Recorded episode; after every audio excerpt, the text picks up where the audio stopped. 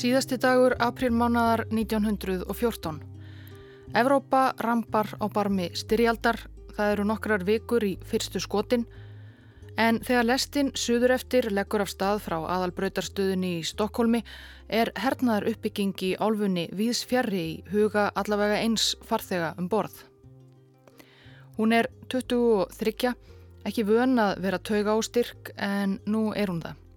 Horfir út um lestarklukkan á borg verðað sveit eða í göpnir sér á hendurnar á sér. Unga konan er á leið að taka að sér nýtt starf sem vinnustúlka á bóndabæ í Suðurmannarlandi suðvestur af Stokkólmi. En ástæða þess hver hún var tauga á styrk var ekki endilega svo að hún væri að byrja í nýri vinnu. Heldur svo að hún var að villa á sér heimildir. Hún hafði aldrei unnið áður sem vinnukona þó hún hefði fullirt það þegar hún sótti um starfið á bænum Norður Jókersta utan við Nýsjöping. Hún var ekki bara lottari, hún var bladamadur að villa á sér heimildir til að komast að hinnu sanna um hlutskipti ungra vinnukvenna í sænskum sveitum. Þetta uppóttæki átti eftir að gera hana að frægasta og umdeldasta bladamanni svíþjóðar á tíma þegar ennþótti nýlunda að konur skrifuðu í blöð og tímaritt. Öðru eins hafði enginn tekið upp á áður, korki kona nýja karl. Þessi unga kona átti síðar, ekki aðeins, eftir að verða brautriðjandi í sænskri bladamennsku, heldur lifði hún æfintýralegu lífi, fór heims hornana á milli frá bóndabænum í Suðurmannalandi lengst norður á slóðir sama, mitt í Finnland borgarstyrjaldarinnar, upp Andesfjöllin og á Bjarnaveiðar á Hjara Veraldar í Östri, meðal annars. En fyrst var það vinnukonustarfið.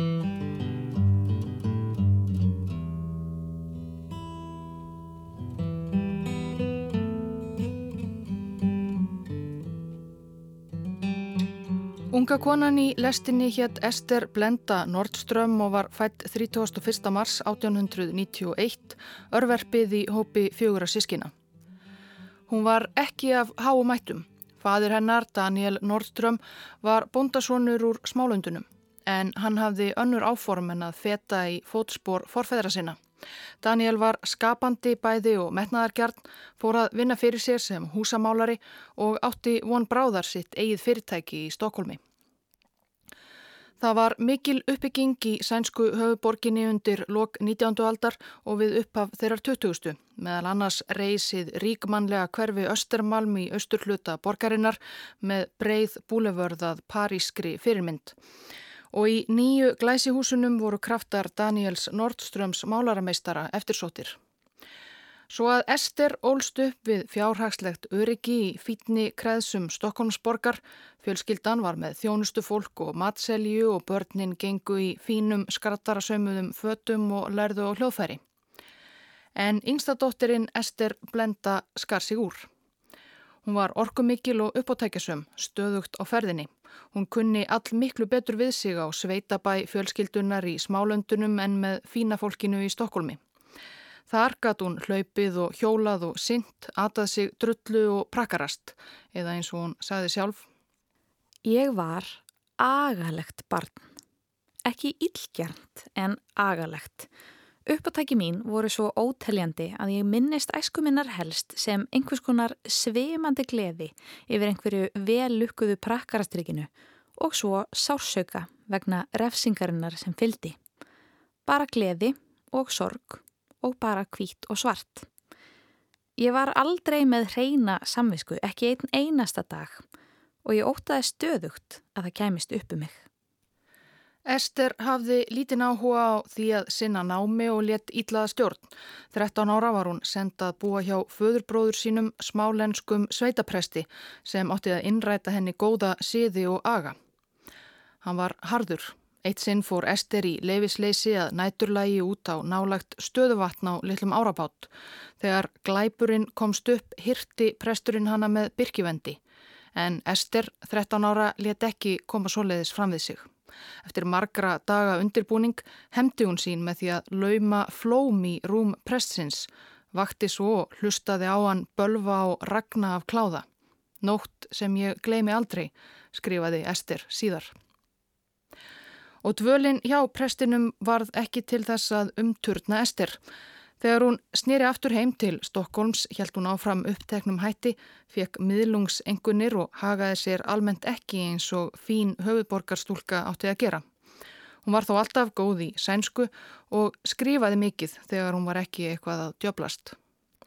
Þegar hún útskrifaðist úr mentaskóla 19 ára 1910 með ágætisengunir svo sem lang bestar í ritlist, vissi hún ekki alveg hvað hún ætti af sér að gera.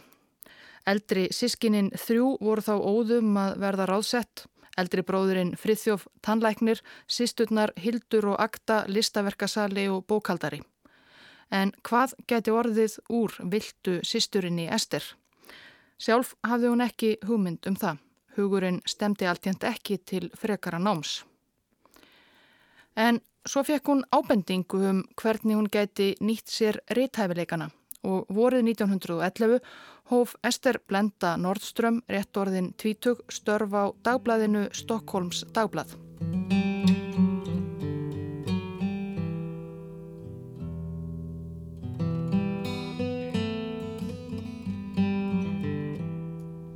Stokkólms dagblad var eitt af mörgum dagblöðum sem útkomu í höfuborginni en Ester var þein örfára kvenkins bladamanna og jáframt yngst meðal bladamanna borgarinnar. Þetta var raunar bara ólaunuð lærlingsstaða sem hún fekk í byrjun. Blaðið var frekar íhaldsamt morgunblað og það runnu fyrir þrjár konur.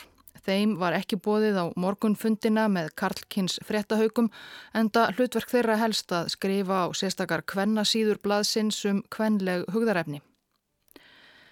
Ester tók sér dullnefnið Poiken, strákurinn, og var fljótað læra til verka sem blaðasnápur.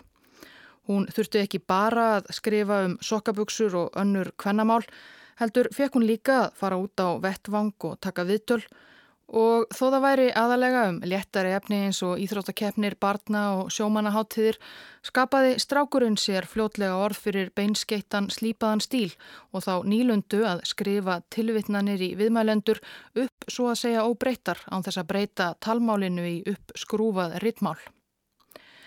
Ester var fljótlega tekin inn í eins konar sellu bladakvenna í Stokkólmi. Ungar konur sem hittust reglulega fengu sér í glas, kvörtuðu yfir ofríki og fordómum Karlkins kollega. Þær tóku líka flestar þátti í baráttunni fyrir kostningarétti kvenna, barátta sem enn var óunnin í Svíþjóð. Smátt og smátt vakti Ester svo meiri aðtikli sem bladamadur. Vorið 1912 fekk hún þá 21 aflýsingastöðu hjá einu helsta dagblæði Svíja dagins nýheter. Þar var hún í halvt ár. Skrif hennar vöktu sífælt meiri aðtikli og strax um veturinn böðst henni loks först launuð staða á öðru helsta blæði Svíja svenska dagblæði. Þar tók hún sér nýtt höfundarnafn. Hún var enn bara 21 árs en vildi ekki lengur vera strákurinn. Nýri stöðu fylgdi nýtt nafn sem hún sótti til kvartningarhrópa japansku íþróttamannana sem keftu á ólimpíuleikunum í Stokkólmi 1912, Bansai.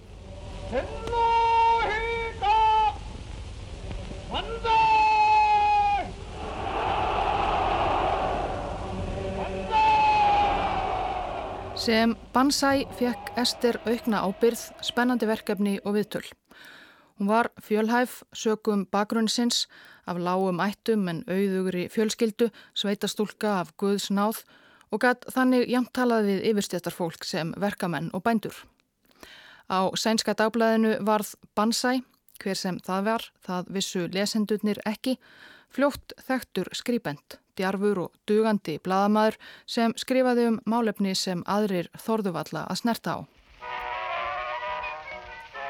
Vinnudagarnir á dagblæðinu voru langir og þann frítíma sem hún fekk nýtti Ester æg meira á öldurhúsum Stokkonsborgar þar sem hún satt með kollegum og vinnum af báðum kynjum, reykti vindla og pípur, kneifaði öl og vín fram eftir kvöldi.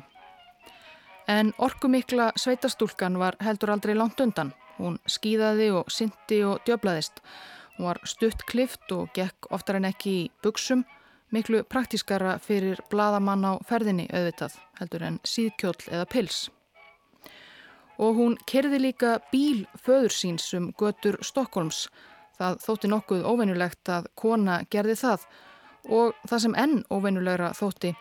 Hún kefti sér Royal Enfield móturhjól, kannski fyrst sænskara kvenna sem ógum á slíkum. Hún skipti sjálfum dekk og gerði við vélina og fekk líka nokkrar sektir fyrir hrað og glæfraagstur.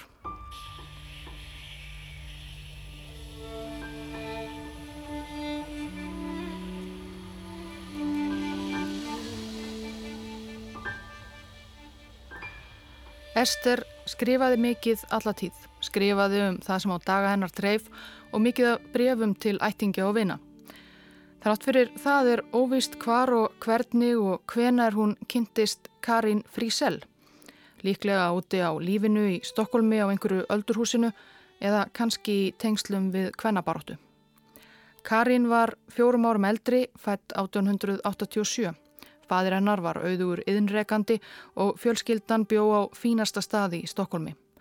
Eins og Ester var hún eldklár og víðsín með leiftrandi húmor. Er Karin og Ester náðu vel saman, urðu góður vinkunur og fóru frá því 1912 eða 1913 einhver tíman að hittast oftar og oftar. Karin var upp úr þessu aldrei langt undan í lífi Esterar. Hún skrifaði þó aldrei mikið um það.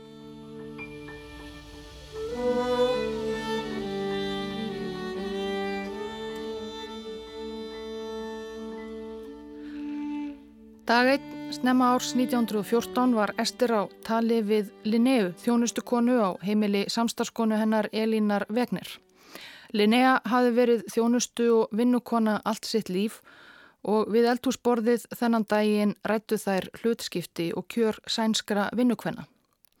Ester hafði þegar skrifað um þetta. Sænskir bændur áttu í mestu erfileikum með að finna sér vinnukonur og stúlkur. Ungar konur í sveitum landsins virtust frekar vilja ferðast langar leiðir og vinna í skítugum versmiðjum stórborgana eða sigla yfir Allandshafið til Ameríku í leitað vinnu en að starfa fyrir bændur í heimabygð. Jáfnvel var talað um brínan stúlkna skort í sænskum sveitum. En hver var ástæðan? Engun veginn hafði hugmyndin orðið til. Ester Blenda Nordström eða Bansæ Hún ætlaði að komast að þessu. Ekki með því að ferðast um sveitir og ræða við vinnukonur og stúlkur, heldur ætlaði hún að finna það á eigin skinni hvað sænska sveitavinnukonan mátti þóla. Hún ætlaði að durbúa sig og ráða sig sem vinnukonu á dæmigerðan bondabæ og skrifa svo um reynslu sína.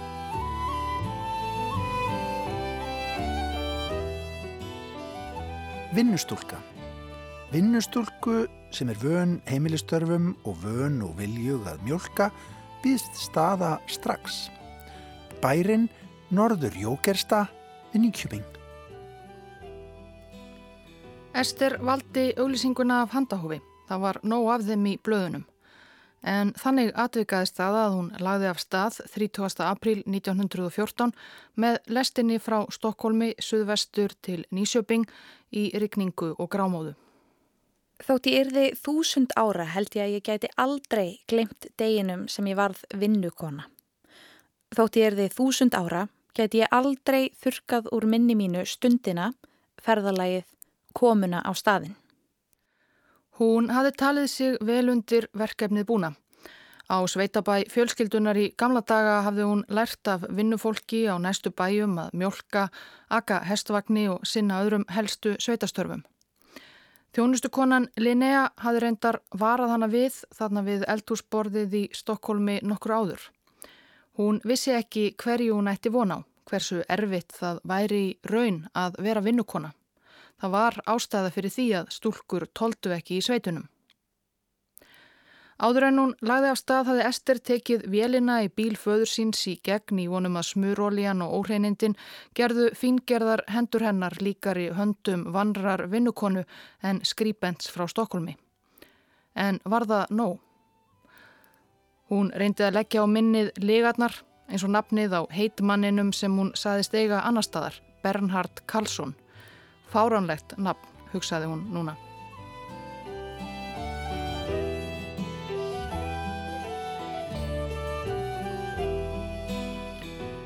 Á sænsku er þessi aðferði í bladamennsku að villa á sér heimildir og þykjast vera eigið viðfangsefni kolluð að valrafa. Það er í höfuðið á þýskum bladamanni sem fyrstur vakti heims aðtikli fyrir slík störf Gunther Valraf sem á nýjunda áratug síðustu aldar þóttist vera tyrkneskur verkamæður og skrifaði fræga bókum meðferðina sem hann sætti af hendi þýskra sem slíkur. Valraf var þó auðvitað ekki fyrstur til að grípa til slíkra blekkinga í bladamennsku. Meðal annars beitti Ester blenda Nordström álíka aðferðum í skrifum sínum mörgum áratugum áður eins og við heyrum hér. Raunar var það kannski önnur kona, annar frumkvöðulli nýstárlegri bladamennsku sem var fyrirmynd esterar í þessum. Árið 1887 hafði ung bandarísk bladakona Nelly Bly, 23 ára, látið leggja sig inn á hæli fyrir geðsjúkar konur í New York og síðan skrifaðum hryllilegar aðstæður þar og meðferð sem vistkonur sættu fyrir dagblad Joseph Pulitzers New York World er það eitt elsta þekta dæmiðum slíka laumu bladamennsku.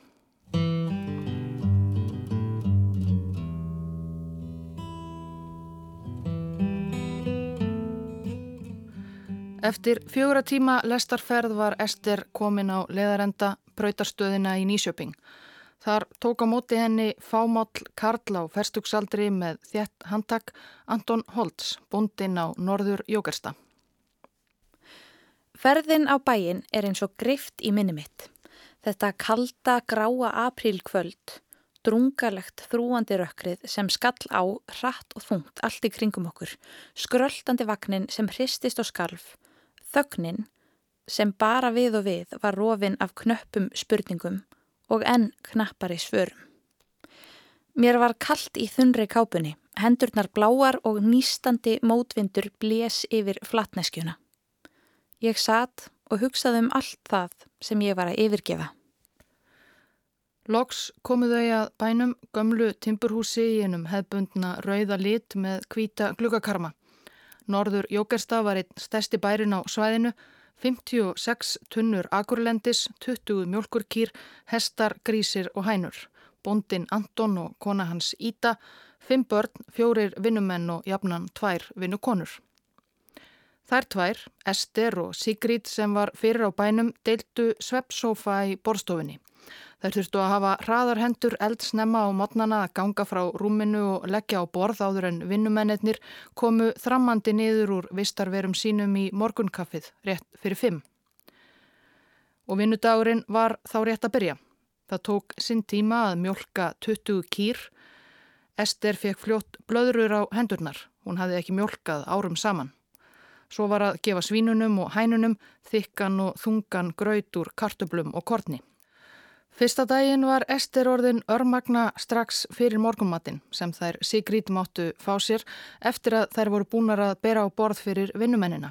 Síld og rúbröð sem þær urðu að skella í sig með hraði áður en tími var komin að bera á borð fyrir bóndahjónin og börnin.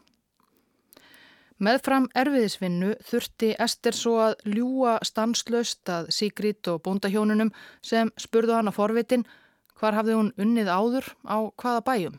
Hafði hún einhver tíman komið til höfuðborgarinnar? Hafði hún nokkuð einhver tíman ekið í bifreið?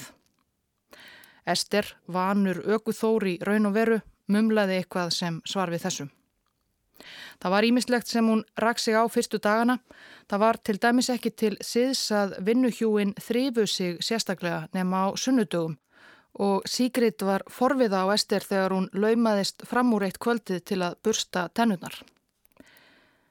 Eftir morgunmatin beðu Ímisverkefni Brynna dýrunum, vefa rúmfött, sópa og skrúpa, elda hátægisverð, vaska upp, þvó þvott, sækja vatn, bera eldi við, baka brauð, sinna börnum, brugga kaffi, svo setni mjaltir og kvöldkaffi og lokskat Ester fleikt sér niður á sveppsófan sem hún deldi með Sigrid og íðaði jafnframt af lús og sopnað örþreitt á líkama og sál um nýjuleitið. Svona liðu svo dagarnir. Ester Nordström, bladamadur í Dulargerfi, áttaði sig fljótt á því hvers vegna sænskar sveitastúlkur leituðu annað en í vinnukonustöður. Það er þurftu að vinna myrkrana á milli, fengu aðeins örfáar klukkustundir á viku í frí og hafðu lítil sem engin réttindi gagvart vinnuveitendum sínum bændunum sem áttu ráðskast með þær að vild. Hvað ertu með í laun? spurði Ester Sigrid Eitsin varfarnislega. Hún vissi auðvitað ekki að nýja samstarskona hennar væri frægur bladamæður í höfuborginni. 180 krónur á ári, svaraði Sigrid og Ester reyndi að gapa ekki. Hversu oft hafði hún ekki kvartaði yfir launakjörum sínum við vinkonur sínar í bladamennskunni. Þær voru allar með miklu lægri laun en Karlkins kollegar. Enguða síður þjenaði Ester á mánuði tæp árslaun Sigrítar á norður Jókasta. Stundum fer ég að sofa á undan henni og þá gerist það stundum að ég vakna um miðjanótt og sé hann að setja með handleikina og höfuðið fram á borðið, lampan ennlogandi og útsaumurinn löngu horfin úr huga hennar. Og það grýpur mig umhyggja með umkunn svo sterk að þessa stundina langar mig til þess að gera allt í heiminum til þess að gefa þessari döðþreyttu, sterku, vinnufúsu stúlku einn dag af algjöri kvíld og ró. Einn einasta morgun af ljúfum, löngum svefni.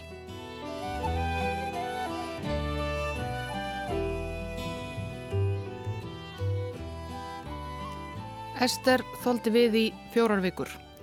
Svo laumaðist hún til að ringja í sýstur sína í Stokkólmi með fyrirmæli að ringja á bæin og segja að móðir sýstir Esterar vinnukonu hefði dáið skindilega. Hún þyrti að snúa heim snarlega og hjálpa til á bíli fjölskyldunar. Ester flýtti sér að pakka ofan í töskur þegar símtalið barst og hvaðja. Eftir mánuðin á Norður Jókasta fekk Ester frí í einn mánuð. Það var hluti af dílnum við rittstjóra Sænska Dablasins. Svo 28. júni 1914 byrtist fyrsta greinin, mert Bansæ, stór fyrirsögn yfir fjóra dálka, mánuður sem þjónustustúlka á Bóndabæ í Suðurmannalandi. Það flækti málið talsvert að sama dag og greinin byrtist í sænska dagblæðinu var Frans Ferdinand Krónprins Östuríkis Ungverjalands skotin til bana í Sarajevo.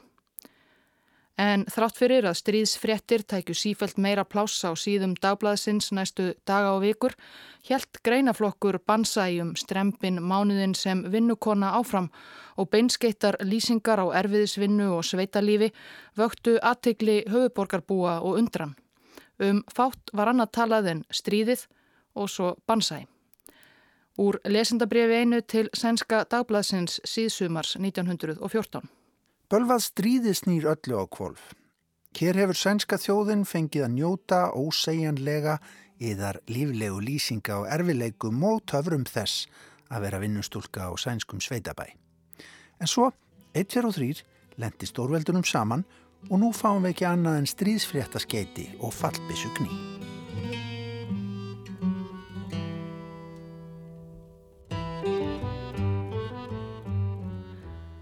Þegar áður en greinafloknum lauk hafði Ester Blenda Nordström gert samning við útgáfufélagum að gefa hann út á bók. En Píga bland Pígur, vinnustúlka meðal vinnustúlkna, kom út í november 1914 undir hennar eigin nafni. Fyrsta prentun 1500 eintök seldist upp strax og Ester og vinnukonu vandamálið svo nefnda voru nú á allra vörum. Í eftirmála bókarinnar skrifaði Ester Kanski geta lýsingar mínar á einhvern nátt skýrt fyrir utanaðkomandi hvers vegna það er svona erfitt að fá kvennkins vinnuafl í sveitum. Það er ekki bara það að vinnan sé erfið og einsleit, heldur er vinnudagurinn oflangur, launin eru oflá og frístundirnar of fáar. Það er varðla hægt að tala um nokkuð frí því það er ekki til. 16 til 17 tíma vinnudagur, engin frídagur, ekki einu sinni hálfur sunnudagur af og til. En vinnuaflið þarf til að tryggja tilvist landbúnaðurins og þess vegna ætti að vera alveg eðlilegt að gera eitthvað til að bæta stöðu og létta undir með kvennkins starfsfólki.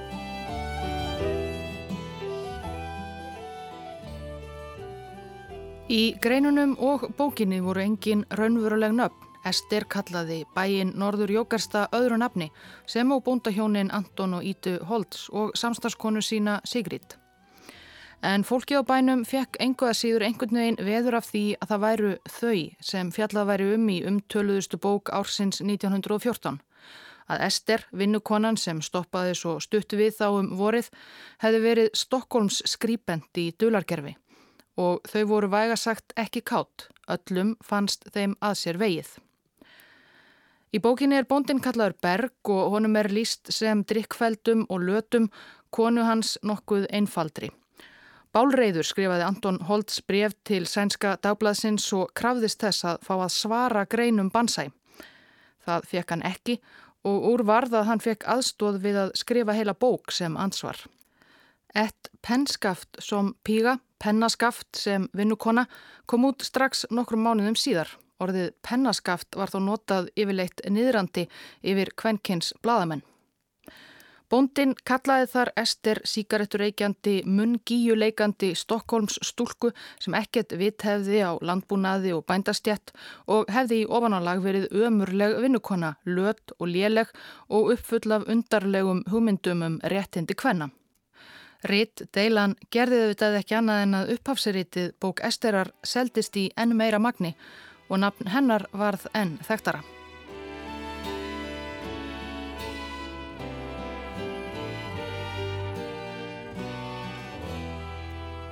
Já, þrátt fyrir gaggrinni helt vinnukonubókin áfram að renna út í stríðum ströymum. Þó svo að allar umbættur ættu eftir að taka áraræðir, telja margir að bókin hafi átt þátt í því að loks var farið að vinna því að bæta kjör kvenna í sænskum landbúnaði.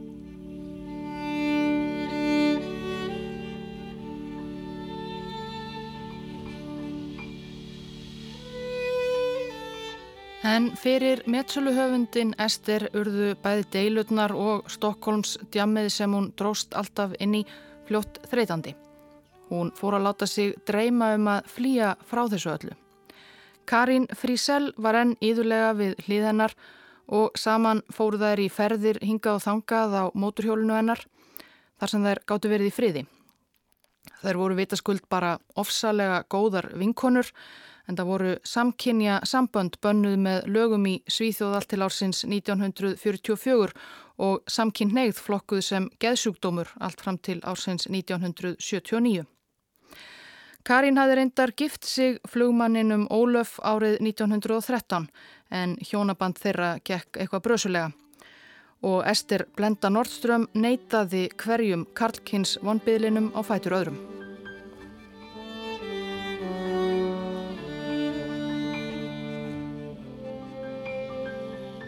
Einn af nánum vinum Esterar úr skemmtanalífinu í Stokkólmi var meira en þremur áratugum eldri maður, náma konungurinn Hjálmar Lundbóm. Hann var formaður ríkisrekna námafélagsins LKAB sem aldarfjörðung fyrr hafi farið að nema hjártngríti úr fjöllunum Lúosavara og Kírunavara á slóðum sama nýrst í Svíþjóð. Bærin Kíruna reys í kringum námuna og varð nýrsta byggð svíþjóðar og einnig svo sem hraðast byggðist upp. Enda námafélagið LKAB fljótt orðið arðbærasta fyrirtæki landsins. Fyrir tilstilli Lundbóms vinar síns ákvað Ester í desember 1914 að ferðast þanga norður, ekki til að fylgjast með námuvinnslu, heldur til að kynna sér líf frumbyggjana sama. Þetta var á þeim tíma sem svíjar kölluðu sama lappa og litu almenti niður á þessa nágrana sína í norðri. Í alfræði orðabók var sömum líst sem íllaliktandi kroppinbökum og svo framvegis.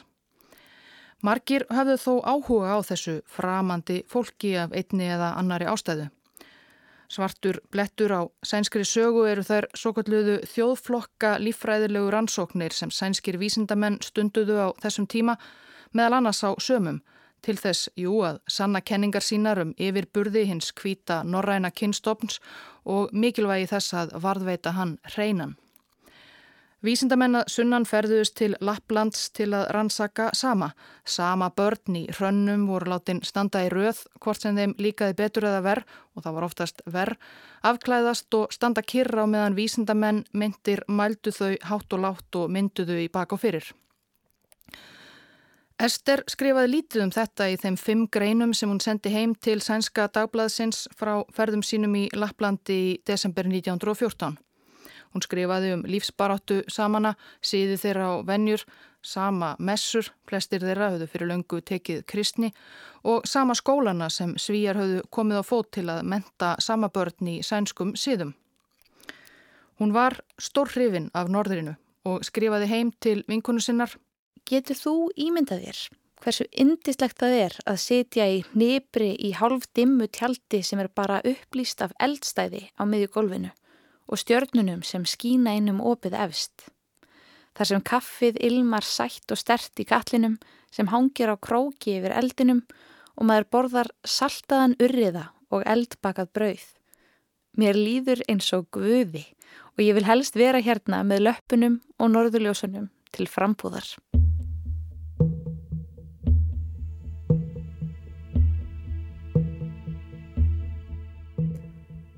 Og henni var fúlasta alvara með þessu síðasta. Ester var þannig komin með hugmyndað nýju ævintýri og nýri bók.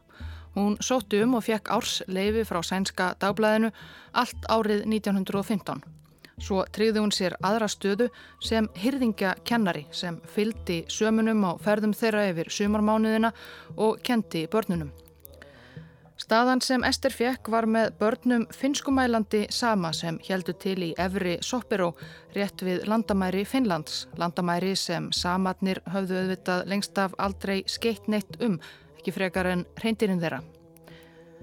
Svo að allt vorið 1915 var Ester einbeitt við finskunám í Kíruna og bjóða meðan heima hjá vini sínum Lundbóm, konginum af Kíruna eins og hann var stundum kallaður.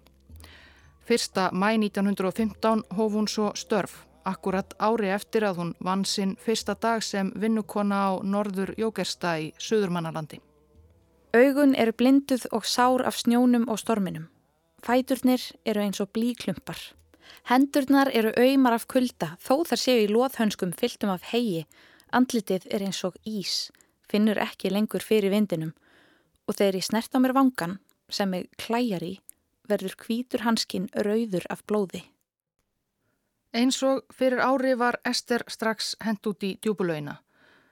Fyrsti mæ 1915, daginn sem hún slóst í för með soppir og sömunum, fjórum fjölskyldum til sumarstöðvana upp til fjalla, skalla á einn versti hríðarbilur vorsins, menn, hrindir og hundar þurftu að berjast áfram í gegnum djúpan snjó og yllviðri. Án þess að ég hafi tekið eftir því hef ég skorið mig í andlitinu á einhverju beittu. Kanski reyndýrshorni þegar við þurftum að koma dýri sem hafi hrunið niður aftur á fætur. Ég er með djúpan skurð undir auganu. Ég vildi óska þess að ég geti gert eins og reyndýrin. Stungi mér niður í snjóin bara í nokkrar mínútur og borað andlitinu niður í brjóstið og teki nokkra djúpa hlýja andardrætti. Ekki bara anda að mér þessu vota íslofti sem gerir það verkum að manni finnst lungun vera að springa. Svo kæmi líklega döðin, en það væri kannski ljúfur döðdagi.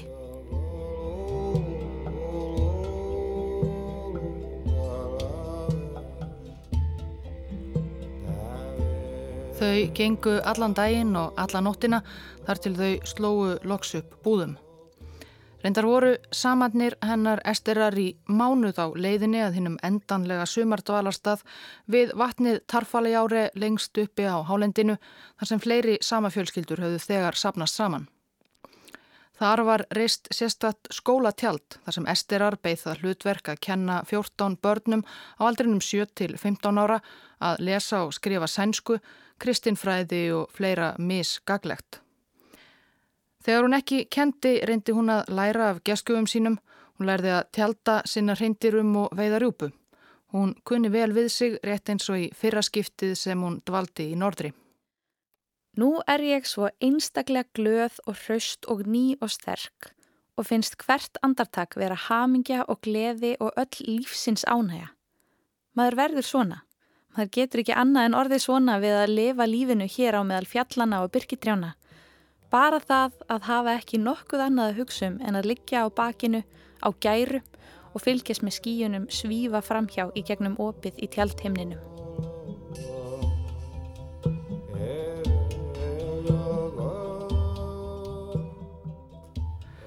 Hyrðingakennarar eins og Ester voru liður í því að síða samana til án þess þó að þeir blönduðust innu eiginlega sænska samfélagi of mikið.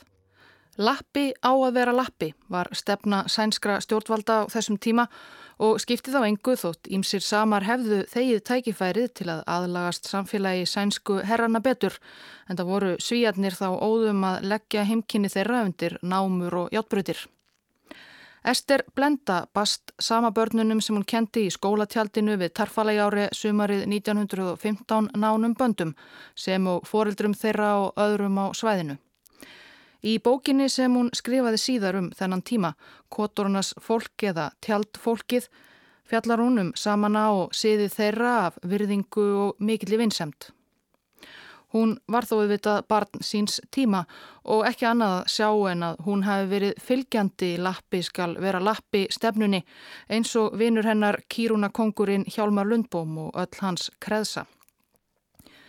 Árið 2014 var bókin Tjaldfólkið endurútgefin hjá Sænsku bókaforlegi eftir að hafa lengi verið íll fáanleg. Bókin er spennandi og vel skrifuð eins og önnur verk esterar og var endurútgáfinni tekið fagnandi að bókmentagagrínendum margra dagblaða og tímarita en margir samar gaggríndu hins vegar þá ákverðun að gera svo gömlu verki um þjóð þeirra aftur hátt undir höfði. Skrif esterar söðu samatnir voru lituð af hugsunarhætti nýlenduherrans. Forfeður þeirra voru í meðferðum hennar, ómentaðir og barnalegir, fólk sem aðeins hugsaði um veðrið og hreindir.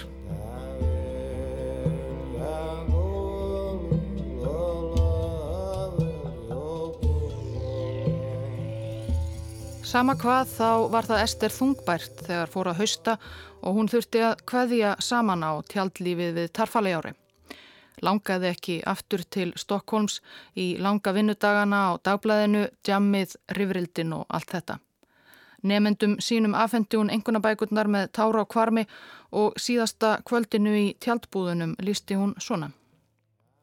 Þegar ég stíg niður fæti á stígin að tjaldinu mínu í síðasta sinn Þegar hundurinn Sappe kemur blaðskellandi í fangjaða mér, þá veit ég í hjarta mínu að indislegra heimili getur engin óskað sér. Hvergi blika stjórnunar skýrar á heimlinum og meiri róafrið er hvergi að finna á jörðinni.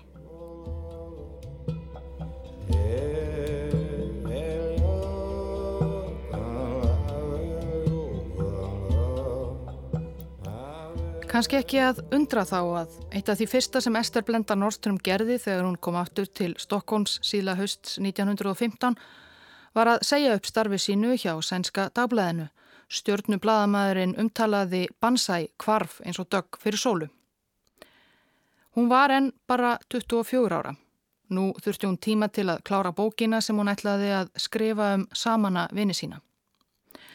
Svo var hann að fara langa til að skipta alveg um stefnu og gerast, nei ekki vinnukona í þetta sinn, heldur bara alvöru búndi. Í mikjunni átti hún heima, var það ekki, langt fjarrri borgarlífinu. Allan þann tíma sem Ester Blenda Nordström hafi verið á flakki með sömum í norðri eða á öðrum flækingi hafði stríðið geisað í Evrópu. Því var ekki næri lokið enn og ófriðurinn átti líka eftir að færast í norður átt og líf Esterar átti enn eftir að taka nokkrar óvæntar vendingar, hennar beigð ekki bara ró og fríður.